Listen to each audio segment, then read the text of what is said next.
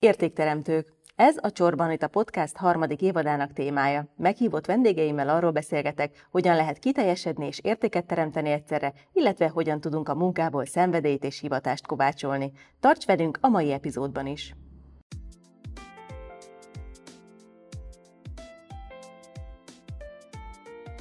Hogyan lehet saját álmainkat élni, és ekközben a környezetünkben élőknél is elérni, hogy ők is ezt tegyék? Hogyan tud egyensúlyozni ezzel egy vezető, és mivel éri el, hogy nála hosszú távban gondolkodnak a kollégák?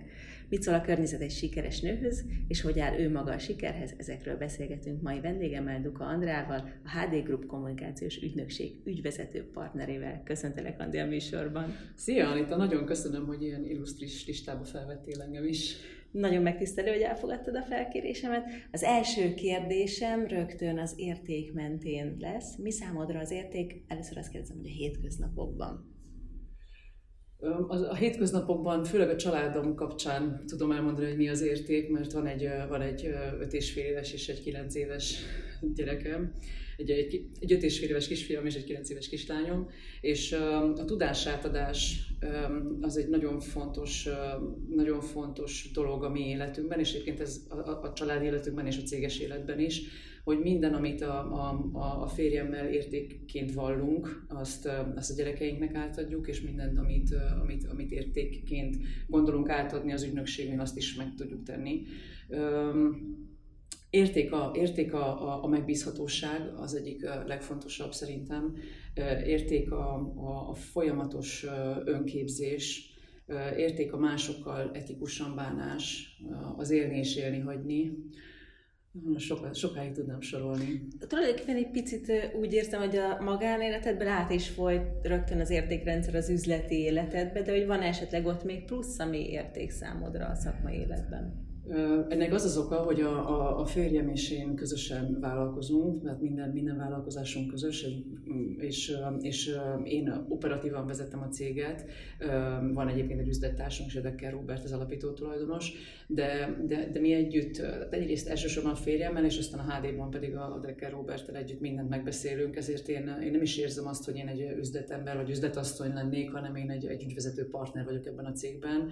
Tehát alapvetően egy, egy, egy szakmai vezető, aki egyébként társtulajdonos is, és, és a férjemmel közösen alakítjuk ki, a, a, a, illetve nem is alakítjuk ki, az értékrendünk közös, de, de a tudatosítása az közösen történik, és főleg ő általa, mert ő az, aki, aki nagyon hosszú távon gondolkodik, stratégiában gondolkodik, szabálylefektetésben gondolkodik. És visszatérve a kérdésed második részére, hogy az ügynökségnél mi az érték,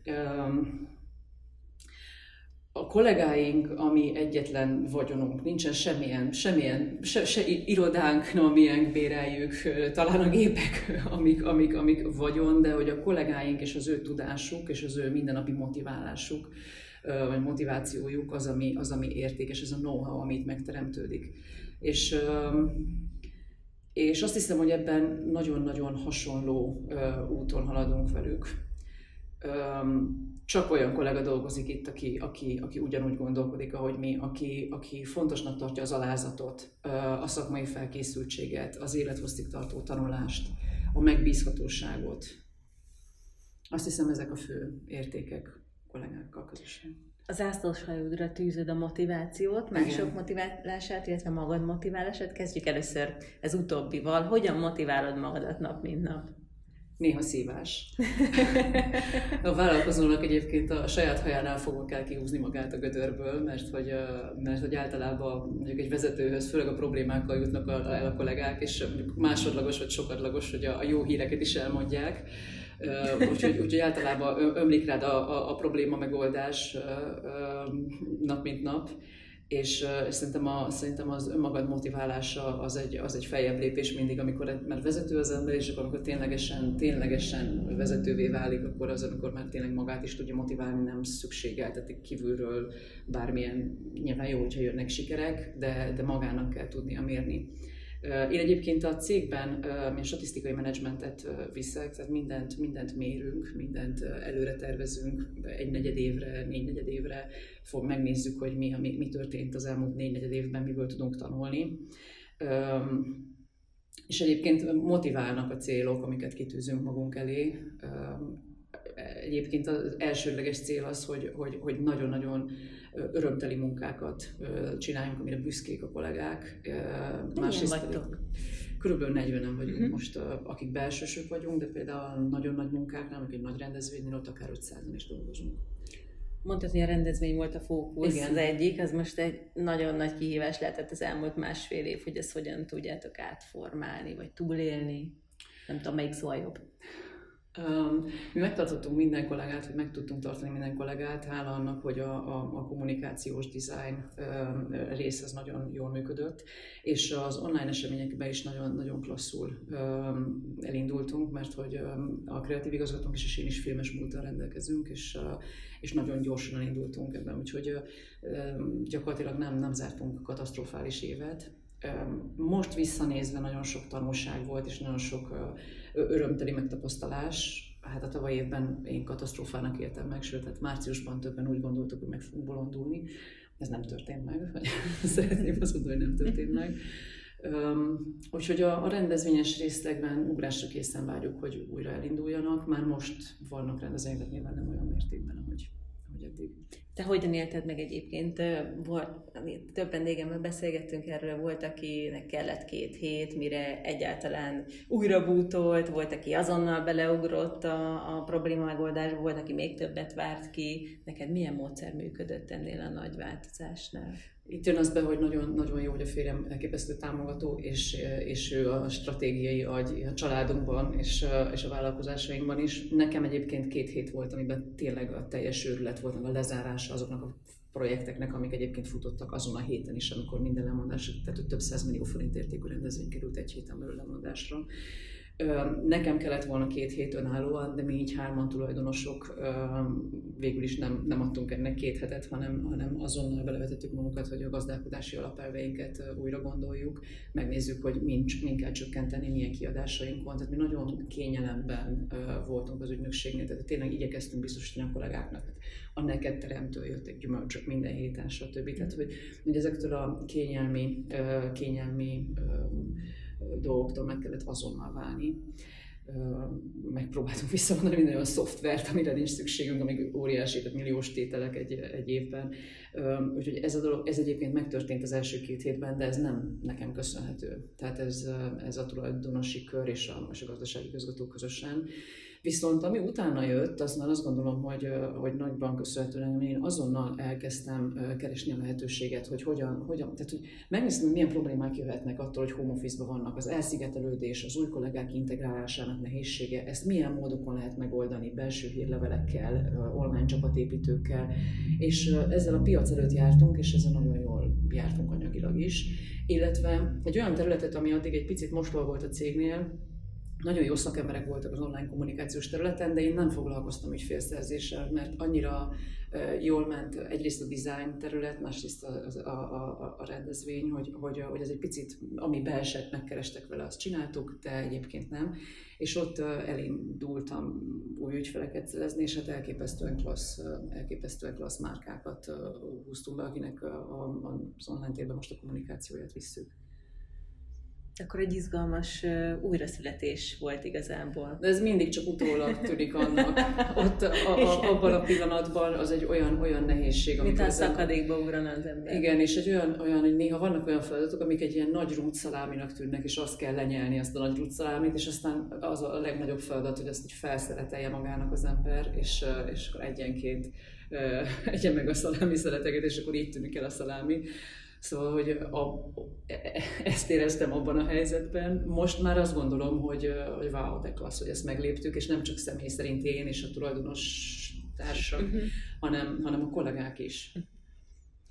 Említetted, hogy a férjeddel együtt dolgoztok, ez több izgalmas kérdés fölvet biztosan, de ezért nagyon sok mm, mendemonda, szokta ezt, hogy férjünk el, vagy tehát, hogy párunkkal közösen dolgozni, ez hogyan lehet jól, rosszul, lehet-e egyáltalán jól, nektek hogyan sikerült ezt jól csinálni, mert az érződik, hogy nagyon jól menedzseritek ezt. Igen, egyébként nem, nem ugyanaz a szakmánk, ő ingatlanfejlesztéssel foglalkozik, ő a Property Market nevű ingatlan, az egyik legnagyobb magyar ingatlanfejlesztőnek a vezetője, a Budapartot is többek között ő fejleszti uh-huh. a, a, a Kopaszigátnál, és, és én elképesztően büszke vagyok rá úgyhogy a mindennapokban nap mint nap uh-huh. nem vagyunk összezárva, de, de mindenről beszélünk, ami a, a közös cégeket illeti, és hát én elképesztően felnézek rá, jobban megbízom az ő döntésében, mint a sajátomban. Borzasztóan jó stratéga, nagyon, nagyon előrelátó, nagyon tudatos, és, és hát tényleg minden területen, ami a vezetéshez kapcsolódik, és idejét pénzügyeket is, nagyon, nagyon jó érzéke van. Úgyhogy egyébként így, így tudunk együtt dolgozni, hogy, hogy nagyon adunk egymás véleményére, és én nagyon elfogadom az ő, az ő meglátásait. És könnyű megtartani a munka-magánélet egyensúlyát? Nem zavar bennünket, hogy összefolyik néha. Uh-huh. Tehát ez nem állandó, hogy már két gyerek mellett soha nem. Az, tehát Budakeszi Vadas Parkban arról beszélgetünk, hogy vegyünk egy csevegét a dámszarvasoknak, vagy nem. Tehát, hogy ez, ez nem szövi át az egész életünket, de azért, hogyha megjelenik valami, amiről beszélni kell, akkor megtaláljuk minden napban a, a pillanatot, amikor beszélni kell róla. Egyébként nem mindig klassz, tehát nagyon őszintén jobb lenne csak a dámszarvasokról beszélgetni, vagy dokumentumfilmeket nézegetni együtt, de, de, de nagyon, nekem biztonságérzetet ad. Uh-huh. Beszélgettünk, mielőtt elindult a, a felvétel egy nagyon picit, mert aztán leállítottuk magunkat arra, hogy a sikeres nőként, tehát hogyan lehet nőként sikeres valaki, egyáltalán ez nehezíti a, a, a sikerfaktor elérését, és a, egy picit arról beszéltünk, hogy kell egy támogató háttértárs mindenképpen egy, egy nőnek ahhoz önállóan nem megy, nem is tudom, mit gondolsz erről. Nekem nem menne, én azt nem mondom, uh-huh. hogy, hogy, hogy, hogy nem megy a nőknek. Én, nekem, az én anyukám is vezető, neki cipőgyárakat tulajdonoltak az édesapámmal közösen, és az anyukám vezette operatívan, ezért én egy nagyon erős női vezetői mintát láttam otthon. Um, a szüleim korosztályában nem tudták még jól megoldani azt, hogy a gyerekekkel is érdemben foglalkozzanak a női vezetők, vagy hát az én családomban ez nehéz volt megoldani, meg a céggel is, mm. és, és én, én, én ezt a részt ezt nem szerettem volna elengedni, tehát hogy én, nekem, nekem borzasztóan fontos a család, meg a gyerekek, de nekem bármennyire is lehet, hogy elítélendő, nekem ez nem elég. Tehát ha csak velük lennék, akkor én azt érezném, hogy nekem valami óriási hiányérzet van az életemben, úgyhogy bár egyensúlyt sose fogok találni a kettő között, de, de, de nagyon igyekszem. És nekem nem ment volna egyedül, és ezt azért tudom, mert én pont ugyanígy dolgoztam, mielőtt vállalkozóvá váltam, mint, mint ahogy most dolgozom, csak más sok cégében, és a férjemmel kellett találkoznom ahhoz, tehát annak ellenére, hogy egy vállalkozó családból származom, és a csúszüleim bátorítottak arra, hogy saját vállalkozást indítsak, mégsem tettem meg egyedül. Találkoztam a férjemmel, benne óriás vállalkozókedv van, tényleg nagyon nagy előrelátás, és, és, és akkor, akkor már együtt már belemertünk vágni, és a HD-val is már együtt társultunk 8 évvel ezelőtt. Szóval, szóval, szóval nekem megtapasztaltad, kellett... megtapasztaltad az alkalmazotti létet is, Abszolút. meg utána a vállalkozói létet is. Azt érzed, hogy ez inkább a neked való? Abszolút a nekem való, igen. Mi minden. a különbség, milyen kompetenciák, hogyan tudnád megfogalmazni, hogy kinek ajánlod melyiket? Én, én nagyon tulajdonosi szemlélettel rendelkeztem akkor is, amikor valaki másnak dolgoztam, tehát nagyon igyekeztem, nagyon igyekeztem nagyon jól csinálni, vigyázni a pénzére felelősségvállalóan, tehát hogy, hogy nem, nem éreztem azt, hogy nem én felelek a feladatért, amit végzek. Nagyobb szabadság vállalkozónak lenni, viszont nagyobb, nagyobb teher is. Tehát, hogy én, én a tavaly évben, amikor jött a, a, Covid kapcsán a krízis, akkor éreztem először fizikai súlyként a vállalomon, hogy mennyi család megélhetése múlik rajtam. Addig is tudtam, hogy ott van 40 ember, akivel többen, csak, aki több száz egy, igen, jelent. és aztán, aki több száz embert jelent, meg, meg nagyon nagy partneri, vállalkozói partneri kör körülöttünk, de ezt olyan természetességgel kezeltem, hogy ők dolgoznak, mi kifizetjük, hát ez egy ilyen csere, csere folyamat, ezt nem, nem, nem a saját felelősségemként éltem meg, de tavaly márciusban konkrétan egy ilyen súlyként éltem meg a vállamon, és azóta is nagyon tudatos vagyok tekintetben, hogy ezek az emberek rajtam vagy főleg, főleg az én szakmai munkámon múlnak, az én ügyfélszerzésemen, ami az én, az én szakmai stratégiámon. És, és ez jár ezzel a nagy szabadsággal, ami a, a, a vállalkozással van.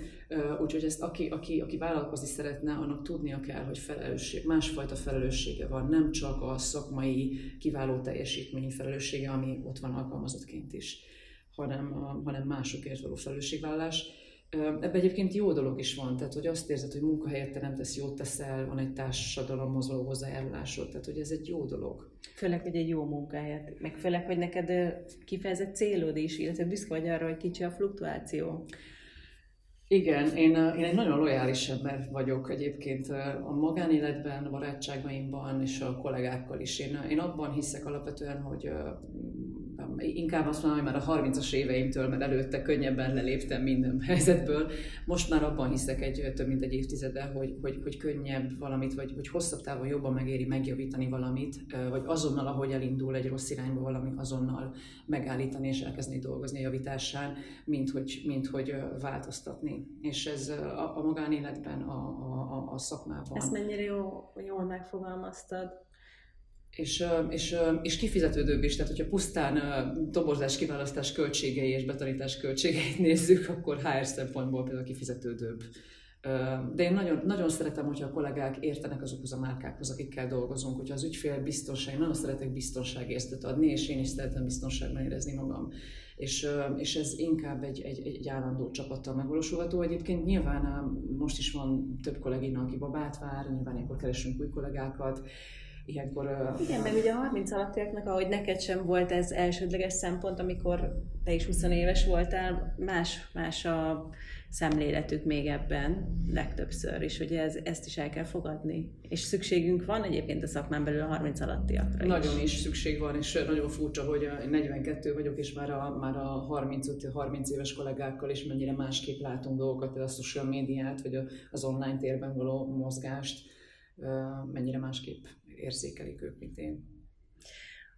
Ezt a, az előbb említetted ezt a nagy nyomást, ami másfél évvel ezelőtt azért megjelent rajtad, ezt hogyan tudtad, milyen én idős tevékenysége, vagy hogyan van jelen az én idő az életedben? Azért én tudom magamról, hogy tényleg kell a kikapcsolódás, kell a feltöltődés, hogy, hogy motiváljon az ember embereket, hogy a céget vigye, hogy új, új partnereket szerezzen. Te hogyan csinálod? Csapnivalóan. Nekünk a, a férjem is és én is azt, azt, azt figyeltük meg, hogy, a, hogy, hogy azt, hogy a, a családdal is tudjunk lenni, és a munkánkban is nagyon jól végezzük munkánkat, ez, ehhez gyakorlatilag minden, mást, minden más eltűnt. Tehát eltűntek a, a, a, a közösségi dolgok, tehát a barátokkal való gyakori találkozás, meg eltűnt az én idő.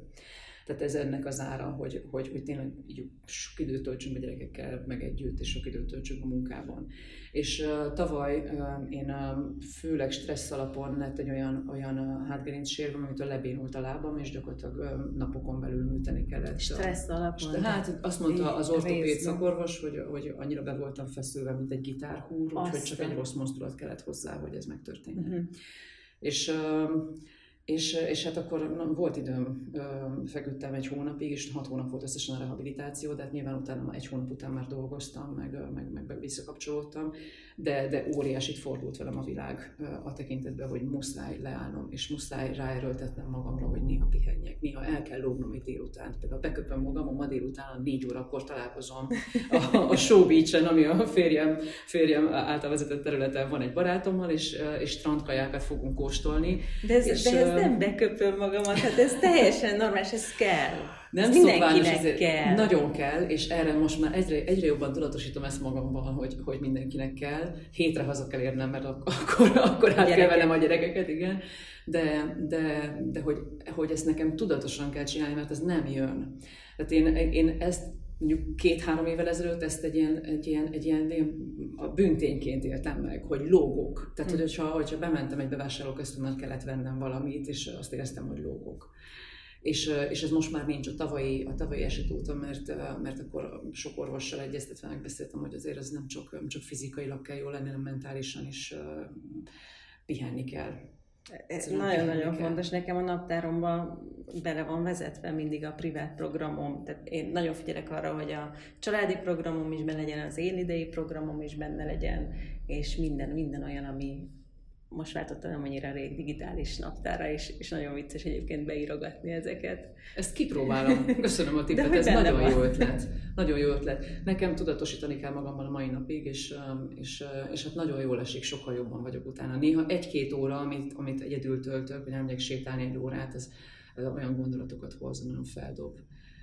Én a futást vezettem be egy két és fél évvel ezelőtt, egy podcast beszélgetésben volt egy futóedző a vendégünk, a Nők az úton podcastban, és akkor ott megfogadtam, hogy a maratont lefutom. Így a semmiből nem, nem futottam semmit előtte. És a futás ez az életem része lett. Minden, ma reggel is például az erdőben futottam, egy nyuszi volt annyira közel tőlem, mint te most, így. Úgyhogy olyan hihetetlen pillanatokat, és valóban gondolatokat hoz. Úgyhogy nagyon, nagyon-nagyon fontos az élidő nagyon érdekes, hogy mondod ezt a nyuszit, mert a, a, egyik nap a rakparton mentem autóval, dugó volt, és egy uszadék fán ücsörgött egy madár, és ráadásul... Azt egy nyuszi. Nem, egy ilyen, egy, egy kicsit ilyen mogorvár, és annyira mókás volt ez egész jelent, hogy az egész napom jó kedvű lett tőle, hogy, hogy olyan fontos megfigyelni ezeket a pillanatokat, és egyébként arra viszont valahogy alkatilag mindig volt figyelmem, hogy ezeket észrevegyem, hogy egy, egy nagyon szép fényt, egy, egy, egy fotózom is egyébként, és akkor így, akkor lehet azért igen, egy nagyon szép igen. fényt, vagy egy nagyon szép valami, valamilyen jelenetet, úgyhogy például ezek nagyon feldobják a, a napomat.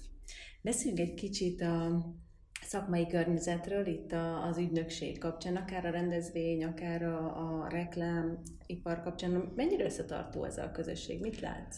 Ugye én főleg a rendezvény és kommunikációs iparágat uh-huh. látom, mi reklámokat nem, nem. nem készítünk. Én most azt gondolom, hogy a Covid az, az mindenkit egy platformra helyezett. Hallgatva például a te podcastjaidat, és érzem, hogy mindannyian egy hajóban vagyunk. Lehet, hogy nem ugyanabban a pillanatban, vagy ugyanabban, de van egy életszakasz, amikor mindannyian megtapasztaljuk ugyanazt vezetőként. Én azt hiszem, hogy egy picit ez rejtve volt egymás elő, egy picit próbáltunk erről nem beszélni, nem gyengeséget mutatni. Most a tavalyi évben jobban kinyílt mindenki. Jobban azt éreztük, hogy itt nincs mit titkolni, hogy mindenki ugyanolyan problémákkal küzd. Lehet, hogy egy kicsit jobban megy az egyik terület neki, ezért túlél, de, de egyébként sem emberileg, sem szakmailag nem, nem egy klassz helyzet. És szerintem ez, ez sok szempontból összehozott, összehozott ügynökségeket. Olyan szabályokat, amit már nagyon régóta be kellett volna vezetni ügynökség ügyfél kapcsolatban, ezeknek a párbeszédeknek a javításában, ezeken elkezdtünk dolgozni szakmailag. Szóval én azt gondolom, hogy, hogy, hogy bár versenytársak vagyunk a tendereken, de, de van egy párbeszéd az ügynökségek között, és én ezt nagyon szeretem, nekem szükségem van erre nagyon-nagyon jó, hogy, hogy ezt mondod, hogy a Blasponiki is volt, ő is ugyanígy gondolkozik, meg nagyon, nagyon sokan is így gondolkodnak, és megvan az összekapcsolódás lehetősége. Kíváncsi leszek, hogy hova fog ez kifutni majd pár év múlva. Egyébként öt év múlva hol képzeled el magad? Hol szeretnél lenni? Ugyanitt egyébként, én, én ugyanígy képzelem el magam öt év múlva. Nincs, nincs ebben a pillanatban én, én, én főleg, a, főleg a, az egyensúlyon dolgozom, és, és azon, hogy, hogy jól érezzem magam a bőrömben, meg a családom jól érezze magát a bőrébe, és, és a kollégák szeressenek dolgozni a cégben. És, és azt gondolom, hogy hogyha hasonló lesz a helyzet öt év múlva, hogy, hogy, hogy jó kedvűen megyek be dolgozni, jó kedvűen megyek haza utána, és, és, és nem történnek nagy drámák, hanem mindent, minden, minden krízis helyzetet túllépünk, vagy minden krízis Igen, most azért a legnagyobbat megugrottál. Igen, hogy proaktívan reagálunk ezekre, lesz erőnk erre proaktívan reagálni, akkor én, én, én, nekem ez jó lesz öt év múlva. Minden adás végén az előző vendég feltesz egy kérdést, és Balogh Petyától jön hozzád a kérdésem, méghozzá így szól. Ahogy digitalizálódik a világ, és a felnövekvő generáció egyre inkább csak a digitális világban létezik, mi történik azokkal az értékekkel, amikkel mi nőttünk fel? Érték lép a helyébe, vagy esetleg csak az érték illúziója? Mit gondolsz, Andi? Nagyon sok múlik rajtunk ezen a 40-es, 40, 40 és 50 közötti generáción, hogy mit adunk tovább a mostani digitalizációba beleszületett pályakezdőknek. Szerintem, szerintem ez egy nagyon fontos társadalmi folyamat, hogy a mostani generáció mentorálja a fiatalabbat, és, és átadja azokat az értékeket, amiket érdemes átmenteni és nagyon fontos feladatunk nekünk, hogy, hogy megtanuljuk ezt a digitális világot, hogy a 20 éves kolléginával beszélgettem arról, hogy ő, ő hogy érzi az elválasztását a, a, a, az offline világnak és az online térnek, és azt mondja, hogy ő nem éli meg, hogy ez a kettő külön lenne, ő egyben éli meg az egészet, tehát hogy ő úgy érzi, hogy az ő offline élete belenyúlik az online térbe, és oda-vissza, és ezt meg nekünk kell megtanulni, egy szemléletet kell váltani a tekintetben, hogy, hogy ők már ebbe születtek bele. Úgyhogy, úgyhogy azt gondolom, hogy egy, tehát a párbeszéd az, az, az, mostanában a, a, a jelszavam, meg a tanítás és a mentorálás, és ez egy oda-visszaható folyamat. Úgyhogy így lesz átmentve csak az érték. Nagyon nehéz, Petyával beszélgettem a, a adáson kívül még erről, és hogy nagyon nehéz azt is egy picit felmérni, hogy ami nekünk érték, az a fiatalabbaknak kevésbé, akár itt most értem ez alatt, hogy míg régen egy hosszú regényt, aztán egy novellát, aztán már csak egy egypercest, aztán meg már csak egy e-mail üzenetet, aztán meg most már csak egy chat beszélgetést olvastunk, vagy olvasunk, vagy fogyasztunk, és hogy abba akár a művészetet bele lehet-e mondjuk egy csetváltásba vinni, vagy ugyanezt a képzőművészetnél a, a, a régen, nem tudom, évekig festettek egy képet, aztán a modern művészetben már, már ugye ilyen instant képeket is csináltak, most meg az Instagram a művészet központja, és hogy vajon oda menekíthető-e, és ugye erről nekünk, 40-eseknek más a, a véleményünk, és más a fiataloknak. Mm. Nem tudom, hogy te ezt hogy látod, hogy hogyan lehet megtalálni, hogy tényleg mi az érték, mi az, amit érdemes megmenteni? Hát én leszek az, az, aki megveszi az utolsó nyomtatott újságot és az utolsó könyvet, meg a múzeum bezárásnál is ott leszek majd a kapuban, mert én nagyon-nagyon szeretem ezek kézzelfogható dolgokat. Én a, a, a kettő között a storytellinget érzem az átkötő, átkötőnek, és ezt is élem meg az ügynökségnél is a, a, a munkában, és tanítok a, a BGN, a METUN, és ott is azt érzem, hogy, hogy, hogy a legerősebb a storytelling, tehát hogy hogyha megfelelő korosztálynak megfelelő nyelvezettel és kellően fűszerezve vizualitással van elmesélve bármi, és hát kellő rövidséggel is, mert hogy nagyon, nagyon alacsony a figyelem mennyiség, akkor, akkor a storytelling áthidalja ezt a problémát, és, és tanulnunk kell a storytellinget is, mert hogy van néhány ember, akinek adottságként benne van, de vagy szinte, szinte semmelyikünknek nincs, és, és ezt tanulnunk kell. A témában egyébként Györfi Kinga is jó. Györfi a... Kinga szokott engem felkészíteni, hogy, hogyha, amikor, amikor az elején uh, még tartottam előadásokat, mert, uh, mert azt gondolom, hogy egyébként a személyiségem ez nagyon passzol, hogy sztorizó, de, de azt éreztem, hogy annyira be voltam feszülve, annyira nem akartam hibázni, hogy nem mertem beletenni sztorikat. Úgyhogy a Györfi Kingával uh, dolgoztunk uh, többet erről, és igen, írta az Add elő Add magad elő című könyvet, úgyhogy azt nagyon ajánlom, azt olvastam is. Uh, Kinga fantasztikus szakember. És még egy apróság erre a storytelling mellett, még a, nekem az életem az infotainmentben telik. Tehát, hogy minden, amit csinálunk az ügynökségnél, minden területben, minden területen ö, ö, muszáj úgy átadnunk információt, hogy élményt ö, is adunk egyszerre a fogyasztónak, ha B2B, ha B2C a fogyasztó. Úgyhogy én egyébként ilyen nézőpontból nézem a világot, hogy hogy lehet infotainment infotainmentet átadni. Na hát lehet, hogy segít is az utolsó kérdésnél, ugyanis az utolsó kérdést te teszed föl, majd a következő vendégnek, aki egyőre nem tudjuk, hogy kicsoda, értékadás mentén tegyél fel, légy szíves. Kérlek egy kérdést. Hogyha vállalkozó az illető, már pedig gondolom, hogy az lesz. Érdekelne, hogy, hogy az új kollégák integrációjában milyen módszerekkel adja át a, a, a vállalati értékeket, és és, és milyen hosszú a folyamat. Szerintem, hogyha esetleg nem vállalkozó lesz, akkor is érdekes, hogy a, a baráti vagy a családi körében hogyan adja át a, az, értékátadás, észreveszi el, hogy, hogy, hogy megtörtént az értékátadás, és hogy milyen, milyen hosszú folyamatokat lát az értékátadás során. Ez egy nagyon jó kérdés, köszönöm szépen. Köszönöm, nagyon köszönöm. szépen, Andi, hogy itt voltál, nagyon inspiráló volt a beszélgetés. Nagyon örültem, hogy én Ilusztis társaságban lettem itt. Keresd a további beszélgetéseket az inspirációk.hu oldalon és az Instagramon a Tett hozzá hashtag alatt. Várom hozzászólásodat közösségi felületeimen, és megköszönöm, ha értékeled podcast csatornámat. Ha kérdésed van, vagy ajánlanál további inspiráló beszélgető partnert, írj a podcast kukat csorbanita.hu e-mail címre.